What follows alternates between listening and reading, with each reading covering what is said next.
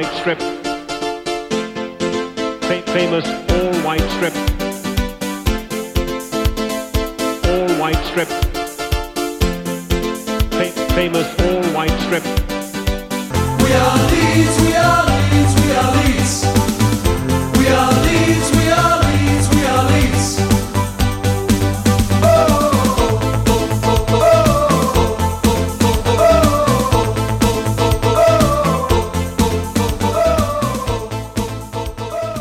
Velkommen til en ny episode av eh, White Noise, som er podkasten i regi av Leeds United sin supporterklubb Luskos. I dag er det episode 29, eh, snart jubileum, eh, Runar. Og du hører stemmen til Anders Palm ettersom Andreas Milde var opptatt i dag.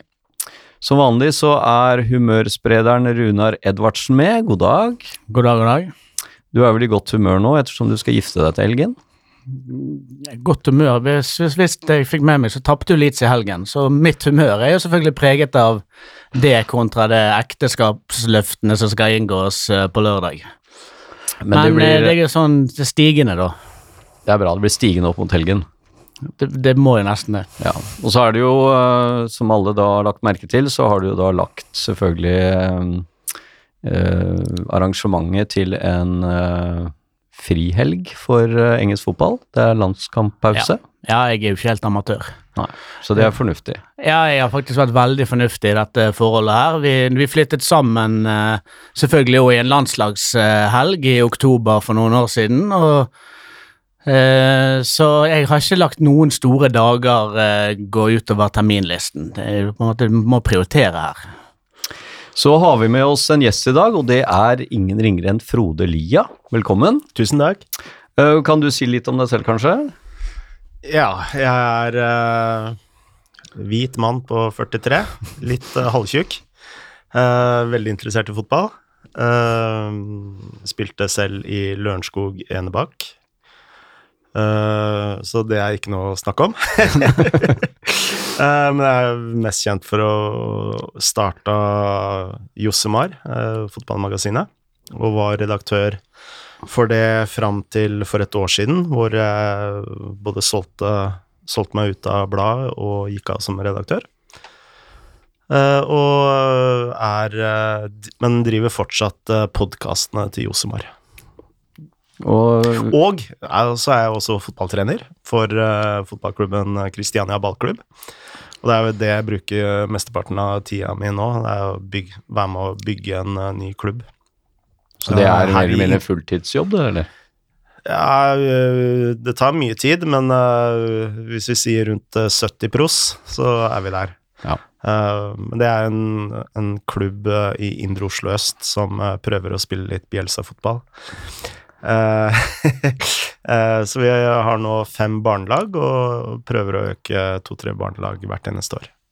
Spennende. Um, vi kommer jo tilbake til Bielsa, um, men um, hva er ditt forhold til engelsk fotball?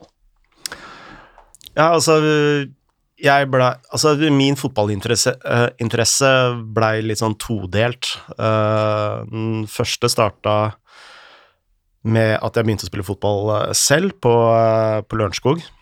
Eh, og når du spiller på Løkka, eh, i hvert fall på den tida, eh, så delte man alltid opp eh, lagene sine i ene var Manchester United, andre var Stoke, og, og jeg havna på et lag som var En gang så havna jeg på et lag som het Ipswich.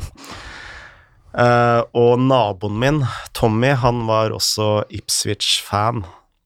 Og eh, jeg tror samme lørdag som vi spilte på uh, Løkka og var Ipswich, så spilte også Ipswich på TV. Uh, og da ble jeg Ipswich-fan. Så det er mitt uh, forhold til eh, engelsk fotball. Så jeg har fulgt eh, Ipswich eh, siden da. Eh, I tillegg så Min andre forelskelse i, i fotball kom eh, i VM i 1986. Så eh, engelsk fotball er liksom 50 av eh, hvor min fotballinteresse eh, våkna, i tillegg til VM i 1986, et par år senere. Argentina, da, eller? Det var dessverre Brasil. Og Brasil. Eh, som var liksom eh, hovedlaget jeg forelska i meg. Men eh, det starta egentlig med at jeg fikk en sånn Panini-bok av mamma. og begynte å samle klistremerker, så jeg kunne jo nesten navnene til alle spillerne på alle lag. Så det blei mye sånn at du forelska deg i mange ulike spillere på ulike lag. Altså Enzo Schifo på Belgia, eh, Platini på Frankrike, eh, Tygana på Frankrike, Pat Jennings, eh, ja, og så videre og så videre. Ja. Eh, Når det gjelder Ipswich, eh, hvor, tett følger du den klubben i dag? Er det sånn at du ser på, um, ser på de kampene gjennom streamingtjenesten og sånt, og hver helg og følger ivrig med på alle nyheter og overganger og sånt? Nei, jeg er ikke så veldig god på overganger og sånt, fordi det er Altså, når du har jobba tett med fotball, sånn som jeg har gjort, da, så er det så mye informasjon hele tiden, og det er så mye rykter og sånn, så det, eh, til slutt så merka jeg at det blei helt sånn overload. uh, så jeg bestemte meg egentlig for å uh, bare se på kampene. Uh, så i år så har jeg sett tre kamper på iFollow. Og det er litt sånn, sånn type supporter jeg er. Jeg ser nå som eh, iFollow kom, da, så ser jeg sånn 50-60% av kampene til Ipswich. Så Det det, finnes jo- eh, Ipswich-supportere som er eh, betraktelig mer beinharde enn meg. Ja, det er jo, for de som ikke vet det, så er jo iFollow den streamingtjenesten som er for klubbene i Football League, uh, inkludert også Leeds, men uh, Leeds viser det jo via sin egen uh, LUTV-kanal, da, men det er plattformen som ligger i bånn der. Ja. Um, men uh, Ipswich har jo starta ganske bra de i sesongen, i hvert fall før uh, helgens kamper. Ja, altså de har jo kun tapt én kamp og vunnet resten. Jeg Ja. vant uh, senest mot uh, Shrewsbury nå sist helg. De rykket jo, ned, eh, rykket jo ned i League One. Ja, altså de eh, eh, De bytta trener eh, før sesongen, eller før fjorårets eh, sesong. eh, hvor eh, de hadde Paul McCartney. Ikke Paul McCartney! Paul McCartney. Altså, jeg har jo drevet plateselskap i mange år, så jeg er litt sånn Det er ikke sikkert det hadde gått dårligere om de hadde hatt han. Nei, og der, eh, der spilte de jo en sånn type fotball som eh, var veldig direkte. Eh, uten å si noe negativt om det, men eh, de har også i tillegg satsa veldig mye penger på akademiet sitt, som har en helt annen type fotballfilosofi, som er veldig inspirert av Nederland. Eh, og Ipswich og Nederland har jo hatt en lang historie sammen. Uh, Ja, det har jo vært en del nederlandske spillere der oppover årene. Uh, riktig. Og så uh, Altså, det er et uh, ganske berømt klipp etter hvert fra 14-årsårgangen til øh, til Ipswich, som spiller seg ut nydelig bakfra. Du ser øh, 20-25 trekk før, før den øh, et mål, som er, minner bare om Barcelona. Så ledelsen vil jo nærme seg den type fotball, da med nye tren treneransettelser og spille en mye mer ballbesittende fotball, og det funka ikke i det hele tatt. Så det, det er vel hovedårsaken til at de rykka ned. Men nå er det Hvem som er trener der nå? Det er han Lam. Paul Lampard, mener jeg. Ja, Ja. ja. Det jeg skulle si eh, Grunnen til at jeg tenkte på Paul Jewel nå, den er fordi før jeg kom hit, og jeg visste jo vi skulle snakke om eh, Bielsa, så eh, jeg leser jo de fleste bøkene mine på Kindle, så hadde jeg gjort noen sånne notater om Bielsa i Pep Guardiola-boka. Og Da leste jeg et annet uh, sitat, da. nå er vi litt off track her, men eh, Paul Jewel, uh, eh, når han var trener for uh, Wigan, så ringte han Pep Guardiola, for han trengte jo et uh, dypt midtbaneanker. Og da kunne uh, Pep Guardiola komme med full analyse av Wiggen eh, eh, Wiggen de siste kampene og fortelle at han var stor fan av Jimmy Bullard. Ja. Så, ja. Nei, ellers er jo, også Ipswich er jo en tradisjonsrik klubb eh, for oss som vokste opp på 70-tallet. ikke sant? Vi hadde jo Kevin uh, Bitty, var jo en stor eh, stjerne, og, morsomt å få fotballkort med han, da. Eh, så, så Ipswich har jo en ganske sånn eh, tradisjonsrik plass i, i engelsk fotball for nordmenn, i hvert fall. Um, Det var over 100 Ipswich-supportere på siste kampen i championship. Det var det fellestur, tror jeg, i supporterklubben der. Så det var det opp mot 100, 100 nordmenn som, uh, som reiste over. Uh, og så var jo alle, mange av disse var jo da torpedert av Leeds-supportere som ville, ha, ville at de skulle hjelpe dem å skaffe billetter til den kampen, for man trodde at den skulle være avgjørende i den opprykksjagingen. Men uh, det vet jeg at jeg så bilder for dette følger noen av de på, på Twitter. Det var ganske mye nordmenn på, på tur siste, siste kampen i championship. Mm. Kevin Beatty var jo min første uh, fotballforbilde. Mm. Så når han eh, kom med sin biografi for eh, snart uh, ti år siden, tror jeg, eh, så dro jeg over til Portman Rome for å få boken eh, signert, for han skulle ha en sånn signeringssession på Portman Road. Stilte meg i kø, eh, og når det var min tur, så merker jeg jeg begynner å svette veldig. Eh, kan, kan være noe med kosten, men eh, jeg tror jeg ble veldig nervøs. Og Kevin Beatty så at jeg var nervøs, så han prøvde seg på litt smalltalk og spurte 'Where are you from, son?' Og da eneste jeg klarte å stotre fram, er 'I'm from Norway, and you are huge in Norway', eh, klarte jeg å si. Hvorpå han eh, svarte at ah, 'Jeg har bodd i Norge i flere år, jeg merket ingenting'. og da viste det seg at uh, han uh, har jo spilt uh, fotball i Kongsberg. Stemmer det. Så, ja. Og jeg, jeg møtte faktisk Alan Hunter Å ja. i eh, Ipswich når eh, Leeds spilte der, for at jeg var sammen med en som heter Gustav, som er veldig interessert i, i å møte gamle engelske spillere, uansett fra hvilken klubb, selv om han er Leeds-supporter. Eh, og da mm, hang vi litt rundt eh, Portman Road eh, i helt nøytral outfit. Og, Stalket Portman og, Road, ja, faktisk. og, og traff Alan Hunter utenfor, og vi liksom Å, hei, Alan Hunter, og vi er fra Norge, og han viste oss inn der og kjørte en liten omvisning på stadion der og sånn, og dette var jo bare da timer før vi skulle sitte på, på Leeds-tribunen og, og heie på Leeds, da. For øvrig så tapte Leeds den kampen eh, 4-1, da, etter å ha leda 1-0, så det var eh, Men det var litt sånn morsomt, da, med, med Ja, Alan han var jo en kjempe, kjempekar. Og veldig mange av disse gutta er jo utrolig flinke på å dra historier. Altså, Ja. Jeg har jo en del av dem i Leeds òg. Ja. Men jeg husker uh, favoritthistorien min var eh, med Kevin Beatty. Han fortalte at han hadde vært med i denne filmen Victory. Uh, fotballfilmen som handler om an- andre verdenskrig, hvor Sylvester Stallone eh, blant ja. annet uh, eh, var der. Og de hadde håndbakkonkurranse. Og han eh, hadde slått Sylvester Stallone da, i håndbak. Og det hadde vært meget dårlig stemning på uh, På settet. Uh, på settet etter det. Ja, nei, vi, vi kunne jo prate om, om engelsk fotball og Ipswich uh, mye, vi, men uh, vi må jo over på eh, Marcello Bielsa. Mm, når ble du eh, bevisst på at liksom eksisterte en sånn snål argentiner eh, som eh, Pep Guardiola og andre hadde sett opp til? Hva var liksom de første sånn altså det uh, Egentlig altså relativt sent. Det var OL-gullet med Argentina. Uh, det var vel uh, min, mitt første møte med Bielsa-fotballen, fordi eh, det Argentina-laget, de spilte veldig sånn På samme måte som jeg ble veldig fan av Brasil 1986. De, jeg hadde aldri sett noen spille fotball på den måten. Og det samme var med Argentina. Eh, altså Bielsas Argentina. Jeg har aldri sett noen spille den type fotball før.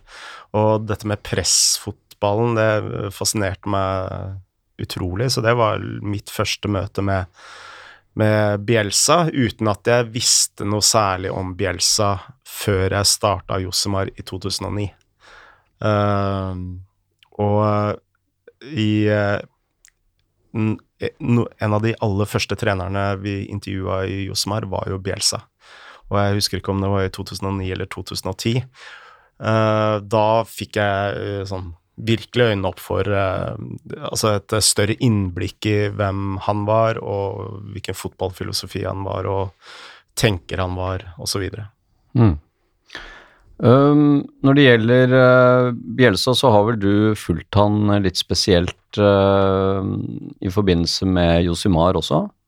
Ja, altså Josimar har hatt flere artikler med, med, med og om uh, Bjelsa. Og også etter at jeg slutta i Josimar, så har du hatt saker om Bjelsa. Og han Og det er jo mange årsaker til akkurat det, men eh, jeg tror hovedårsaken til det, det er jo at han eh, er trenernes trener. Så hver gang du lager en sak om om det er eh, Pep Guardiola, Diego Simone osv., så, videre, så kommer navnet Bielsa alltid opp. Fordi han Eller Pochettino, for den saks skyld. Fordi han har Altså Han har satt et stempel for veldig mange andre trenere uh, som har uh, brakt fotballen sånn syvmilssteg syv opp, uh, opp og fremover. Så det er vel hovedårsaken til at han er en interessant trener, men i tillegg, tillegg så er han jo en interessant person. De maniske sidene ved han er jo utrolig interessante. Eh, du har eh, den sosiale bevisstheten som er, eh, gir altså stor gjenklang hos fotballsupportere. Så det er, det er mange falsetter med Bjelsa som er interessante å både skrive og lese om. Hadde du truffet han? Nei, jeg har ikke truffet han. Så det var en av våre Altså, Josmar har jo 50-60% utenlandske skribenter. Eh, Så det er jo litt sånn måten man får innpass i ulike, ulike leire, da. At man eh, benytter seg av journalister som enten er fra Bosnia, da plutselig er du på innsiden av Roma og møter Pjanic. Uh, eller så bruker du en argentinsk eh, journalist, uh, og så plutselig du, sitter du der med Bielsa. Uh, så det er liksom måten man eh, Ja, for dere har hatt eh, eksklusive intervjuer med Bielsa i Josemar. Det var et av de første, første intervjuene vi hadde med en fotballtrener overhodet. Det var med Bielsa. Eh, og da var det gjennom en, eh, en kontakt som dere hadde eh, ute, Ja, altså da. det, det var en argentinsk En argentiner. journalist som, mm. eller fotballskribent da, som skrev mye for Jossemar de to-tre første årene. Mm. Um, Han gjorde flere eh, veldig gode intervjuer. altså Vi intervjua Veron, blant annet. Eh, som uh, på den tida var liksom uh, stort for oss, da, at, det så, at vi kunne få tak i så store navn mm. til det lille bladet. det lille bladet vårt. hvordan har du fulgt han sånn, sånn fotballmessig etter Eller oppover årene, da? Altså, da Altså, han Altså, etter Chile, som jeg mener er kanskje et av de beste lagene han har eh, trent, så kom han jo til Europa, og da var det jo mye lettere å følge den tettere, eh, særlig når han kom til Bilbao. Eh, og dette sammenfatta at veldig mange av hans tidligere spillere ble også trenere.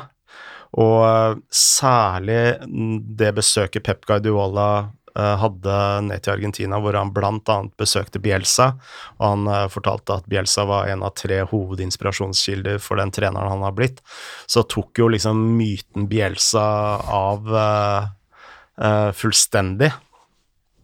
Uh, men da begynte man å liksom uh, se uke ut og uke inn hvordan eh, man spilte Bielsa-fotball, og eh, jeg syns jo det er vanvittig vanvittig å se på, eh, fordi det Både på et eh, underholdningsperspektiv, fordi det skjer noe hele tiden, eh, men for dere supportere så får man jo også litt sånn grå hår, for plutselig leder man med flere mål, og så plutselig er det 4-4.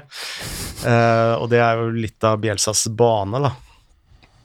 Ja, vi kommer litt tilbake til, til på en måte svakhetene ved, ved kanskje systemet hans og sånn, men, men hvordan, eh, hvordan vurderer du den sesongen han hadde i Leeds? Altså Han kommer jo da til Leeds, han har aldri vært i engelsk fotball før, og, og Mm. kommer til Leeds. og og eh, Hadde du noen spesielle forventninger om hva Bielsa kunne greie å få til eh, i, i championship?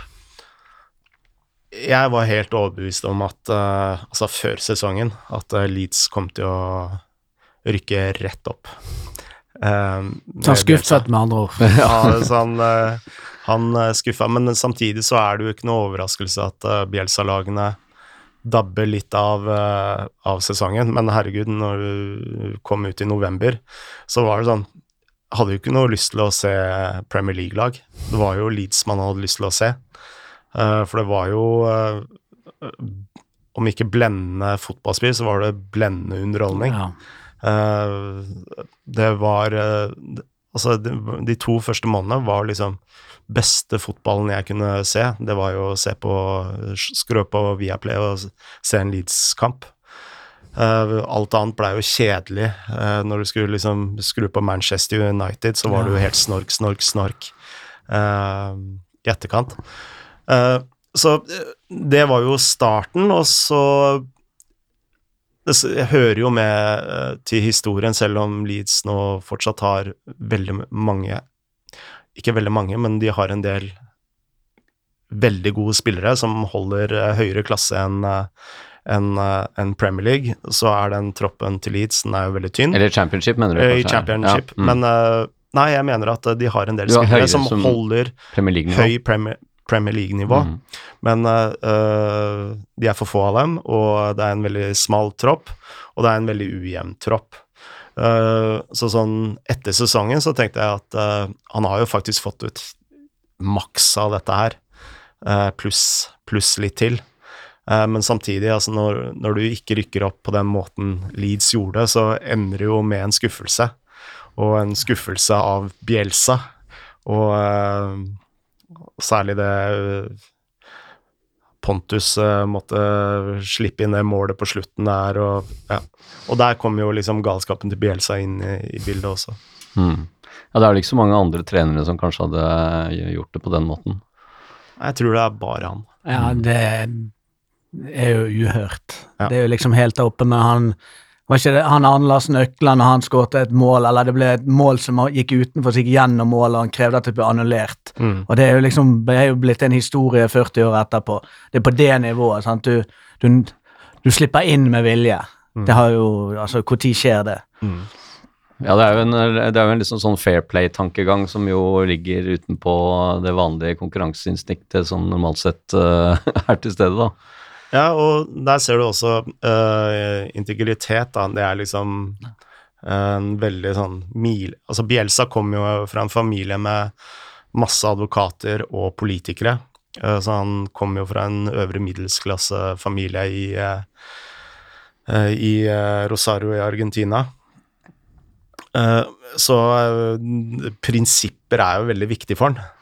Å liksom stå på prinsippene, og da Eh, historien har jo hatt det til at han har jo, og sagt nei til veldig mange lukrative tilbud, og heller tatt mindre klubber, som for eksempel Leeds, fordi det er liksom det sportslige fokuset som skal, skal være i fokus. Uh, vi hadde jo en, eh, en sak som du sikkert fikk med deg i forbindelse med, med spionasje, eller, eh, eller eh, kikke litt på noen treninger til andre lag, og det var jo spesielt eh, denne Derby-treningen og i forkant av den Derby-kampen som var eh, eh, på eh, Det var vel i Januar. januar. Um, hvordan, um, hvordan så du på, på hele den hendelsen, og også dette med den pressekonferansen han hadde etterpå? Altså, nå er jo ikke jeg supporter, så jeg må jo bare innrømme at jeg syns det var stor underholdning, eh, og ikke overraskende. Og eh, det er jo ikke Altså, det, det at Bjelsa følger eh, treningene til motstanderne, det har jo vært viden kjent i alle år, og noe han har holdt på med i alle år, selv tilbake i Argentina. Så han eh, liker jo ikke å fly. Så han kjørte jo rundt, eh, selv når han var juniortrener i, i Newell uh, Oldboys, så kjørte han jo rundt for å se på treningene til motstanderne på eh, Altså på juniornivå. Så dette er jo noe han har holdt på med i alle, alle år. Men som han også sier, så han har jo egentlig ikke hatt så mye utbytte av det. eh, fordi eh, de motstanderne er jo så gjennomanalysert allerede. Eh, og så må man også huske på at eh, en av grunnpilarene til Bjelsa-fotballen, det er jo å eh, både formasjonsmessig og, og måten man presser på, er jo tilpassa motstanderen. Så mm, det å analysere motstanderen er jo helt essensielt for, for Bjelsa. Så, og, så det er den ene delen. Eh, og så har du den moralske ideen, da, altså at dette strider mot uh, fotballen sånn, det syns jeg bare, er bare tull. er bare uh, altså, vi- må også huske på at det, i England, da, altså det, det er et uh, veldig sidrumpa land. Dobbeltmoralens hjemland. Ja, og- de har jo, hvis du ser eh, Nå slår de seg på brystet for at eh, Premier League er nå verdens beste liga, og det er det. Men eh, man må jo huske på at eh, Premier League er jo ikke noen engelsk liga. Det er en uh, like mye spansk liga enn italiensk liga. Det er jo nesten ikke engelske managere i Premier League. Nei, vi vet jo, vi vet jo hvem som vant uh, toppserien i England uh, med en engelsk manager sist. Ja, fortell meg. Ja, det er lenge siden. Det er 1992 med Howard Wilkinson og Leeds. Ellers har det etter det så har det bare vært eh, Da, da sier jeg skotter og, og de som også er utenfor, da. Men engelsk eh, manager har det ikke vært siden 92 og Leeds. Og årsaken til at Premier League har eh, blitt det det har blitt, ved siden av penger, selvsagt, det er jo at de har fått inn know-how fra Italia, Portugal, Spania, Tyskland og osv. Uh, og noe av den know-howen handler jo om analyse. Eh, Kan tenke deg eh, Statistikk er jo noe relativt nytt i, i England.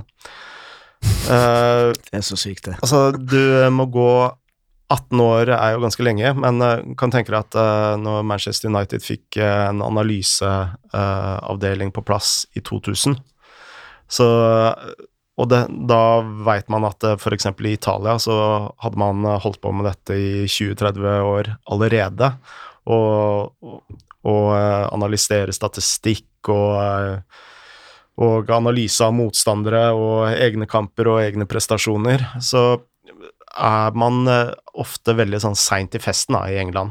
Og det gjelder på analysebiten, det gjelder på treningsmetodikk. altså hvis du snakker Restitusjon.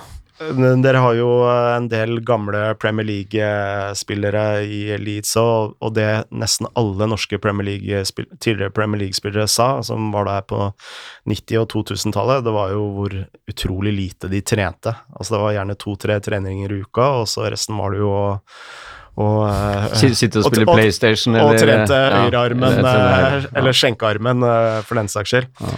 Eh, og det var jo fortrinnet til uh, si italiensk fotball, som uh, uh, trente godt, spiste godt, var forberedt. Eh, så når Bielsa da kommer med sånne metoder, da, så er det sånne metoder Altså, det er ikke veldig mange som analyserer treningene, men det er, det er nok av dem til at det ikke bør være en overraskelse for folk.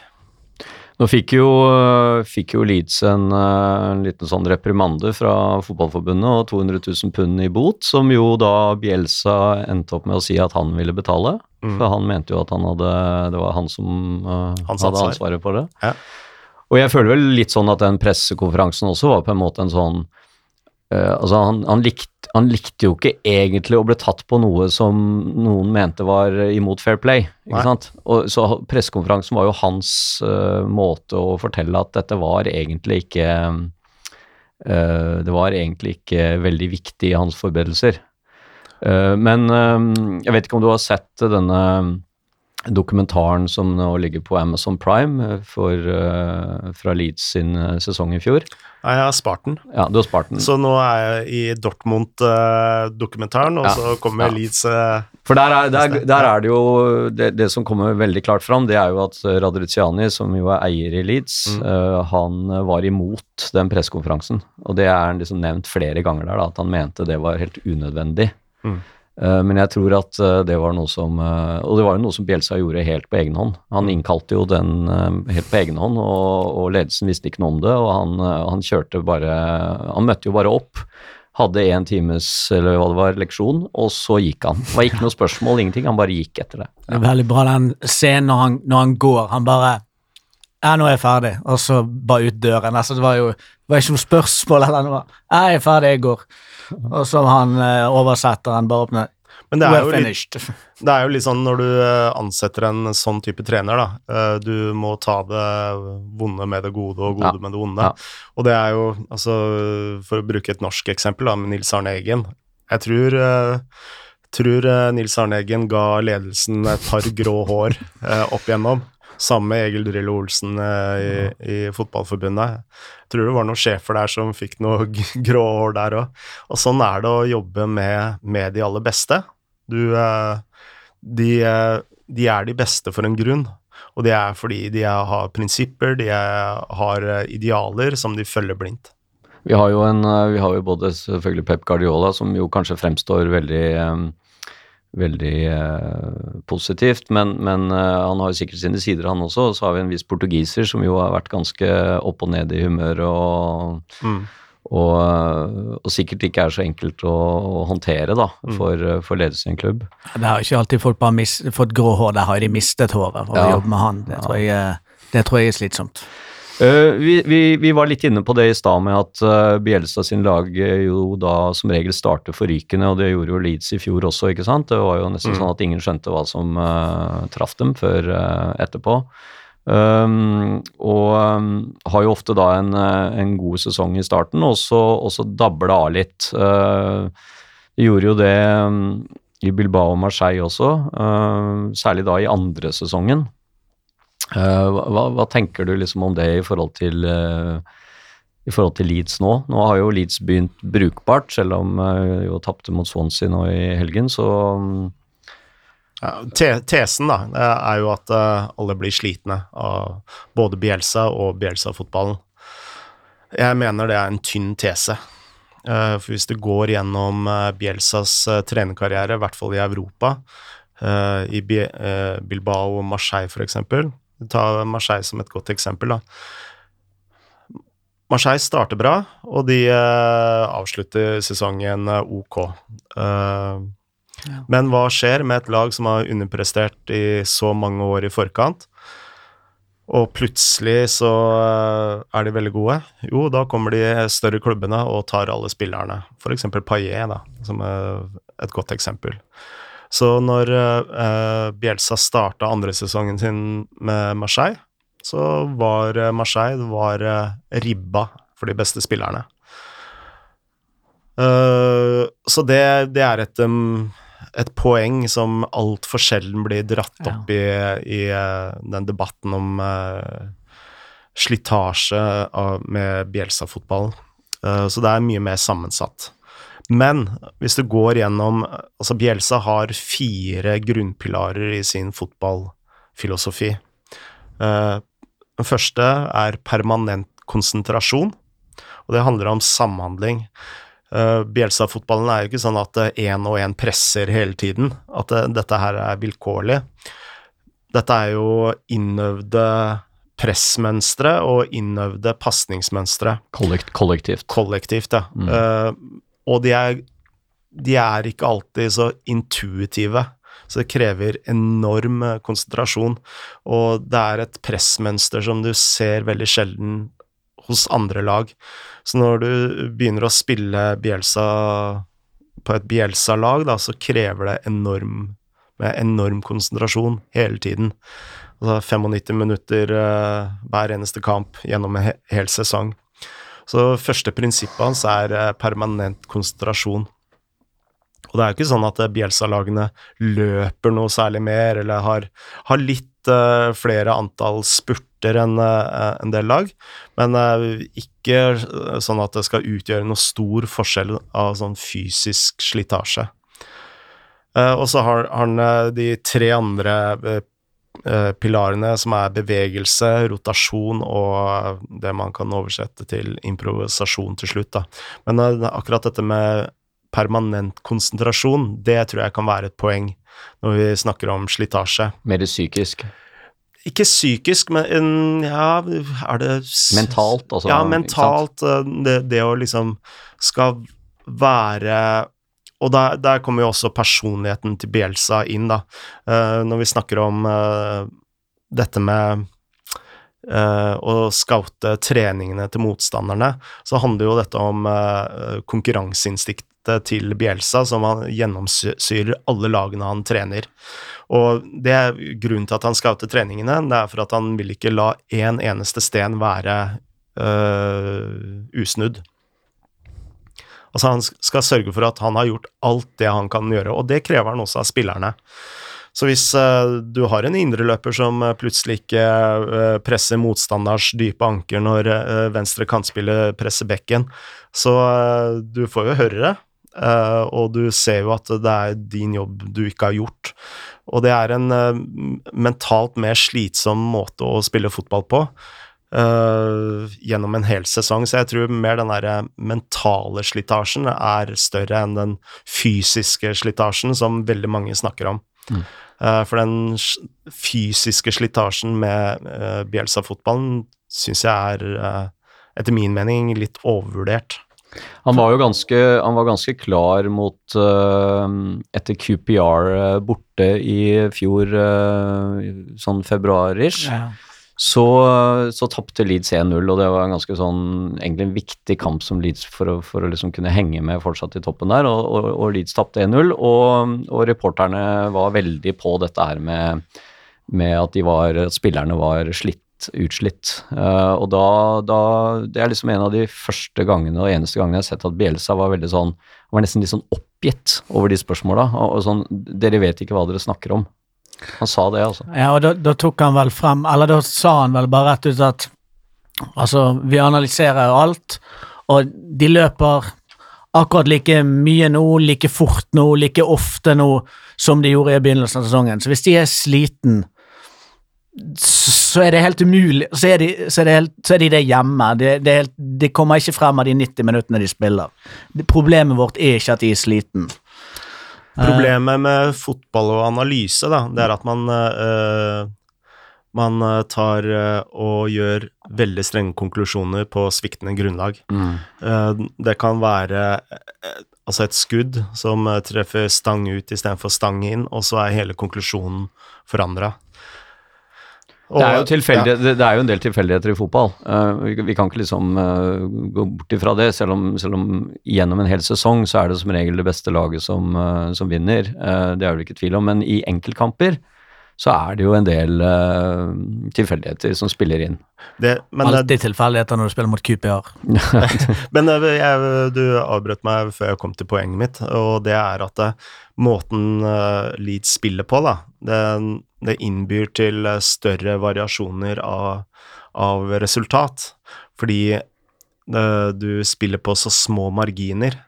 Det er så, det er så lite i presspillet som ikke uh, ikke skal fungere før du, uh, du får to mål i sekken.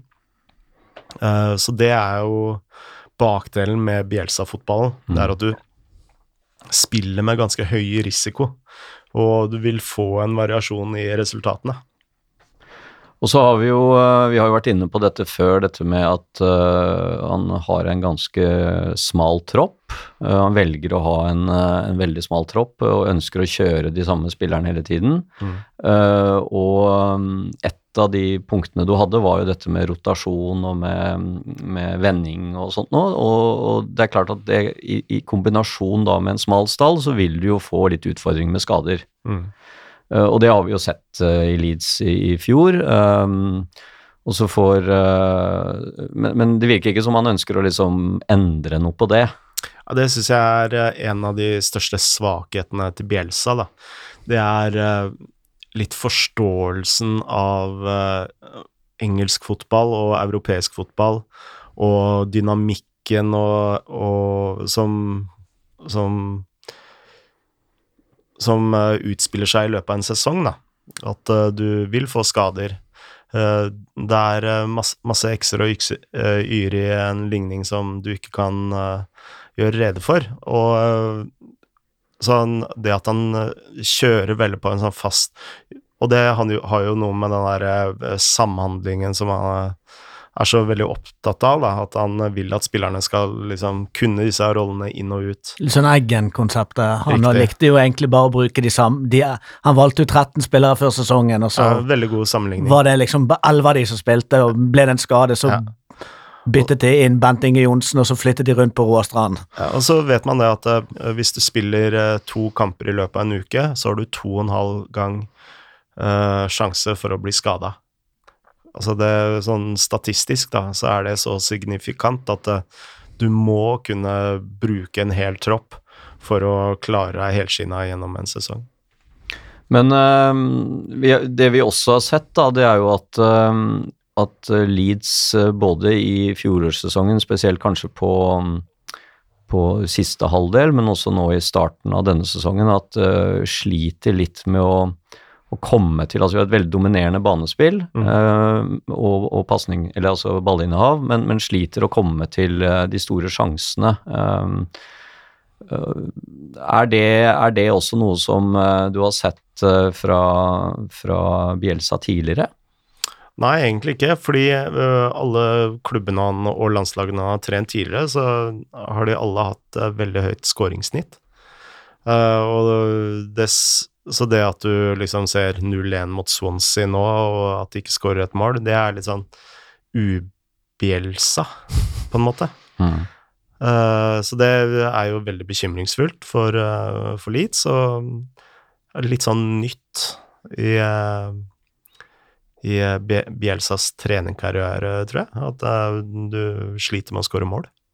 Det virker kanskje som at han eh, eh, liksom eh, prøver å finne ut av hvorfor dette skjer, da, eh, og, hvordan, og hva han skal gjøre noe med det. Eh, Det var jo under i Wiggen-kampen eh, hjemme, så, så slet vi jo lenge, eh, og, og, og spilte faktisk på slutten der med to, to spisser. Eh, Og da nevnte han også etterpå at eh, dette var noe han ville vurdere eh, hvis kampen tilsa det. Mm. Eh, Det var jo ikke noe han gjorde mot Swansea, eh, selv om vi blir liggende eh, etter der. Men er, er, det litt, er det litt den derre staheten hans som egentlig også er hans svakhet? Absolutt. Og som vi snakka om tidligere, dette med bruke få spillere, det er jo også et uttrykk for eh, stahet. Uh, så Men det er liksom staheten som òg er en styrke. ja. Så det er jo veldig sånn Det er veldig todelt. Hvor, hvor er staheten styrken, og hvor er staheten svakheten? Det er jo liksom Det er jo gjerne det som går igjen på Altså på Morin, altså alle de aller, aller beste. Sant? Det er jo Staheten er jo liksom en styrke. Helt til det ikke er det lenger. Sant? Og så er det jo litt valgfritt. Når er det et problem at du er verdens mest sta individ, og når er det en fordel? Nå har vi jo brukt eh, Nils Arne Eggen og Rosenborg som et eksempel mye her, Ja. men eh, der var det jo også mye av det samme. Vi så de første sesongene Rosenborg var med i Champions League, og de bare slapp inn mål og slapp inn mål. Og alle sa nei, du må begynne å spille som eh, landslag og sånn, men han gjorde jo aldri det. Altså, han bare ville spille enda mer Nils Arne Eggen-fotball. Eh, og så plutselig, på et eller annet tidspunkt, så løsna det, og de, de klarte det. Ja. Drillo spilte jo også, var jo også rimelig sta uh, i sin uh... Absolutt, og det Mourinho, altså du finner det i alle typer trenere, at uh, de står på sitt. eh, Pep Guardiola starta jo ikke forrykende i Manchester City, han heller. Alle sa at uh, dette kommer jo ikke til å fungere i England, og så Rest is history, som det heter. Eh, han har jo, Bielsa har jo liksom en, en sånn liten fanskare, og et, uh, eller et stor fanskare etter hvert, da, og et rykte som, uh, som jo egentlig er større enn resultatene som han har oppnådd i karrieren, for det er jo, bortsett fra mm, Newell og, og på hjemmebane i Argentina og det argentinske OL-gullet, så, så har han jo ikke vunnet noe særlig um, trofeer med, med lag. Um, hvorfor Han tror vant du vel gull med Velez også. ja, ja det gjorde han, ja. Hvor, hvorfor tror du det er blitt slik at eh, at uh, denne fanskaren og, og dette ryktet hans er, er så bra? Først må jeg si at han har jo ikke tatt Han har har jo aldri trent klubber som man forventer skal ta gull heller. Nei, Eh, men, han- men han har vel ikke heller Altså, for, for ryktet hans er så bra at det er nesten rart at han egentlig ikke har trent klubber som Barcelona. Ja, kanskje Det er jo det liksom Det er jo det top one percent, men heller kanskje ikke så mange av de som ligger på nivå rett under. Altså Ja. Som Nei. skal utfordre. Ja, altså det er to, todelt, da. Altså det er jo personbjelsa som er eh, veldig eksentrisk, som uh, gjør at alle liker å, å snakke om den. Altså du har pressekonferanser som tar tre timer. Altså han uh, snakker om fotball på et uh, teoretisk nivå som Altså du må nifølge med for å, å forstå noe av det, og han snakker på en måte som resonnerer uh, til uh, veldig mange andre trenere og ikke minst, og kanskje viktigst, pressen. Eh, han er en eh, enkel mann å lage gode saker på, og dette blir da en ball og en myte som bare blir spin spinnet mer og mer og mer på. Det er jo ene eh, delen, og så er det jo det at han står for en fotball som er veldig Altså, du, du kan se et uh, Bielsa-lag uh, når du ser et lag. Uh, det er ikke Det er ikke Det er veldig distinkt. Eh, veldig ekstremt. Så du Så det er vel de to tingene. Og så er det vel sånn at uh, de trenerne som har, uh, som har brukt han som inspirasjonskilde, kanskje har eh, tatt uh, en del av det han har, og så har de sikkert noen egne ting, og kanskje fra andre, og så har man greid å lage en miks ut av det, men, men at Bielsa har vært liksom hovedinspirasjonskilden, da. Ja. Det er som Pep Guardiola da sier at Bielsa er en tredel av den treneren jeg har blitt. Og eh, hvis du ser eh, Barcelona før og etter Pep Guardiola, altså den store forskjellen Det Det er jo ikke den ballbesittende fotballen, det er jo pressfotballen. Eh, og det var jo det som uh, blenda veldig mange Uh, Altså før, uh, før Messi gjorde sitt uh, definitive gjennombrudd, så var jo det at Barcelona B og senere A begynte å presse på en helt annen måte. Skal ikke dere kose dere med ballen, da? Eh, men eh, så ser man også på statistikken, det var jo ingen som løp mer enn Barcelona òg. Så eh, ja. Nei, det var jo, ikke sant, Har man et balltap, så er det liksom om å gjøre å vinne tilbake ballen fortest mulig igjen. Det er Mm. det som er hele greia også. Det ser vi jo med, med Leeds nå også, at det er et veldig press. Um, men hvordan skal man slå et øh, lag som Bjelsa trener da? Hvordan skal man utnytte de svakhetene? Uh, Steve Cooper, som jo er Swansea-trener, og som jo har en han var jo ikke noen stor spiller, eh, men han har jo hatt en ganske interessant eh, trenerkarriere. Han har jo vært innom det engelske eh, ungdomsakademisystemet, og også Liverpool, og, og, er jo liksom en litt sånn yngre upcoming trener. Og han sier jo at eh, Han sa jo da etter at eh, Swansea vant nå, at Leeds har eh, åpenbare områder som man kan utnytte. Mm. Hva tror du han tenker på da? Bakrom. Bakrom.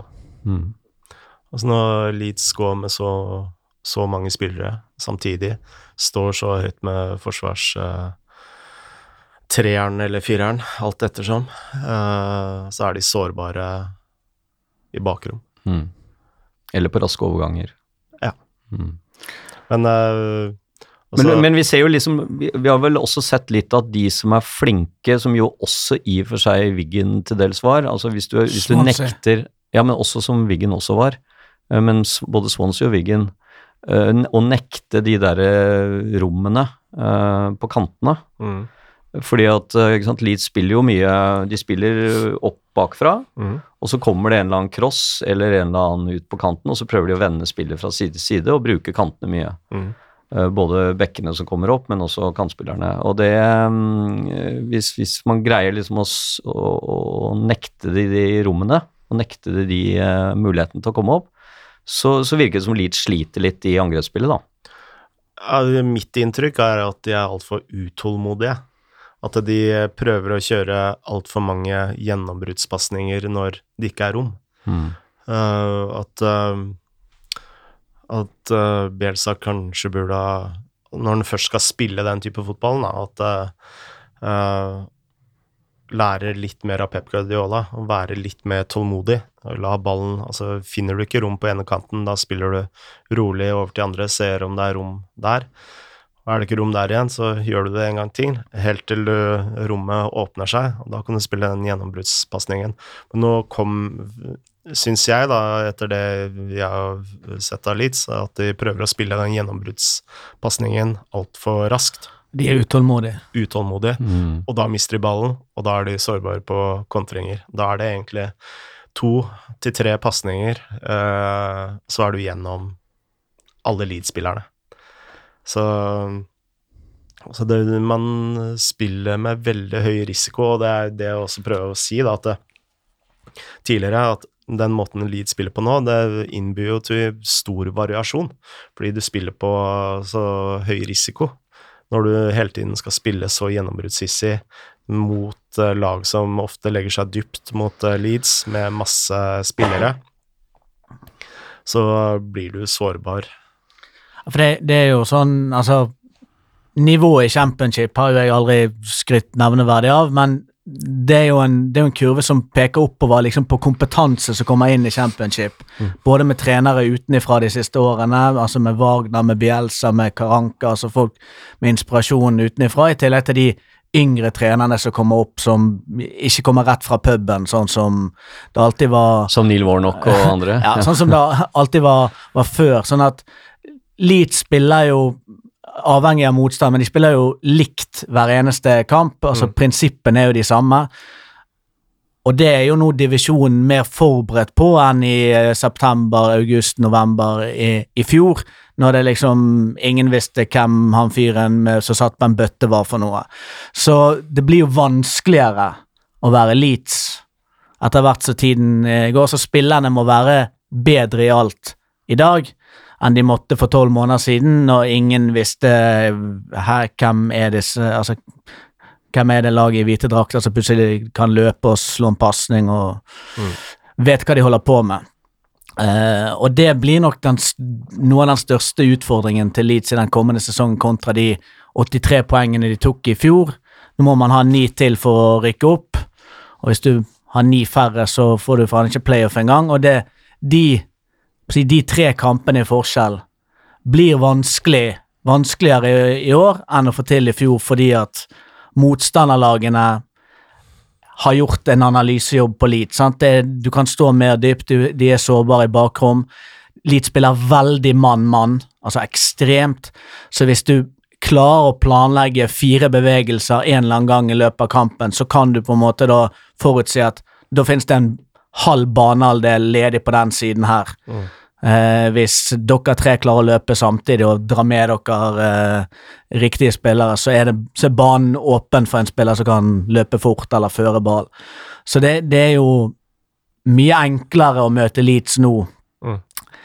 enn for et år siden, og det, det hører liksom med til det totale regnestykket. Eh, så, men alle sånne eh, analyser og statistikk som er målt nå i begynnelsen av sesongen, viser at Leeds er bedre, er sikrere med ball enn i fjor, visstnok. Ikke alt sånn som man kan se med det blotte øyet, men de påstår det er de som leser av alle tallene. Eh, og man, skap, man slipper til færre sjanser eh, enn eh, på det datagrunnlaget som eh, var i fjor, og skaper litt flere. Det dette her XG, eller altså, jeg skjønner jo ikke alltid halvparten, men jeg klarer å skjønne at ett tall er høyere enn et annet, og det dermed da er bedre. Nå har jo ikke, ikke sant, Leeds har jo ikke forsterket laget veldig mye eh, i forhold til fjorsesongen. Det er, det er mange av de samme spillerne som det er i fjor. Eh, vi mistet Pontus Jansson, men vi har fått inn en ny midtstopper som, eh, som eh, i hvert fall foreløpig virker omtrent eh, på, på samme nivå, i hvert fall når det gjelder um, pasningsspill og, og, og duell og sånt nå. Uh, kanskje litt på hodes, hodestyrken, som vi ikke vi, vi kan være litt usikre på ennå. men men ellers er det jo liksom i bunn og grunn det samme laget, og så har vi gjort om lite grann, så nå, nå spiller jo Vi har en annen en i tierrollen enn det vi hadde i, i, i store deler av fjorårssesongen. Fortsatt er ingen mål ifra Altså, vi, vi har jo det samme problemet som i fjor. Vi, I fjor skåret vi for få mål, angivelig, og det var Det kom ett mål fra den spilleren som til enhver tid spilte som nummer ti i fjor. Eh, på 46 kamper. Det føles som lite. Fra, Ikke som nummer ti, men i tierrollen, det er Ja, viktig ja? Ja. Konseptet er det samme. Og så var det få mål fra, fra ene kanten, og det er Spissen vår skårer sånn akkurat passer. Så problemene er foreløpig akkurat de samme, men hvis vi kan være enda mer dominerende Hvis vi slipper inn færre mål enn i fjor, så vil jo utjevnelsen forhåpentligvis komme i pluss i, i poeng. Mm. Men vi nærmer vel oss slutten. Ja, hva, hva, hva tror dere om Leeds i år, da? Er, vi, er Leeds med i Du mente jo opprykkskampen? det skulle gå rett opp i fjor, så Ja, jeg, jeg har fortsatt troa, jeg. Ja. Ja, altså, du ser jo er jo en del av de andre topplagene som også er veldig varierende. Så jeg tror jeg har ikke sett eneste en eneste eh, person med den uh, ikke-beskytta tittelen fotballekspert som ikke har hatt Fullheim på topp. Ja.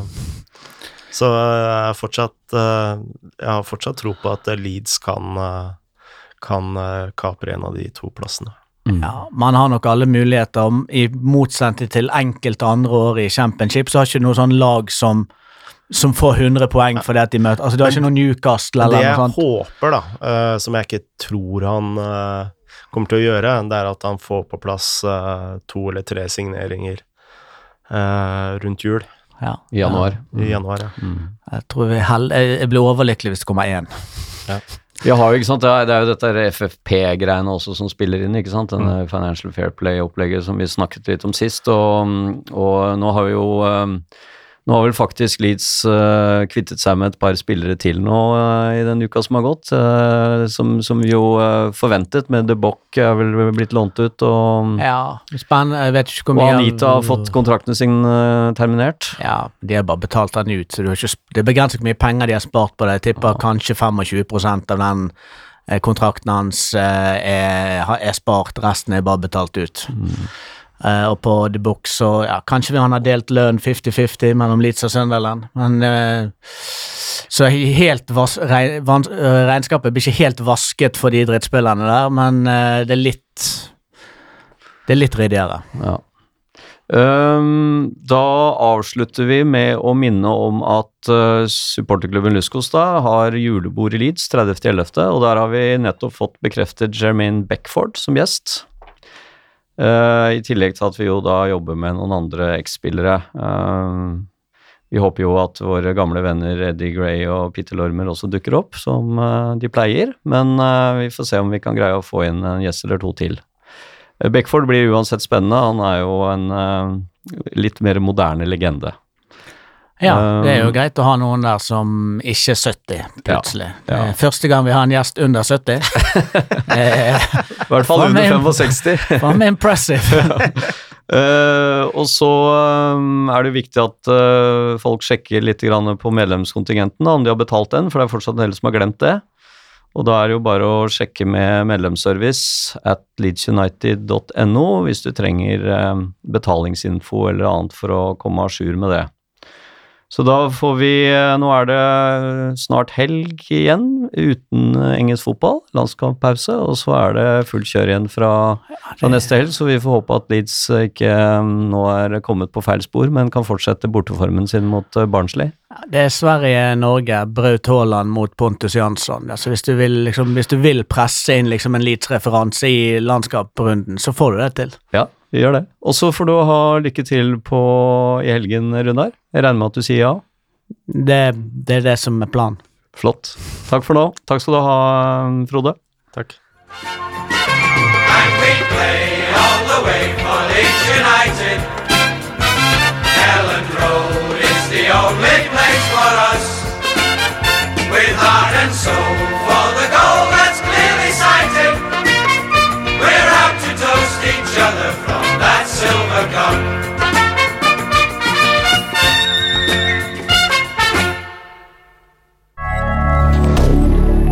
moderne media.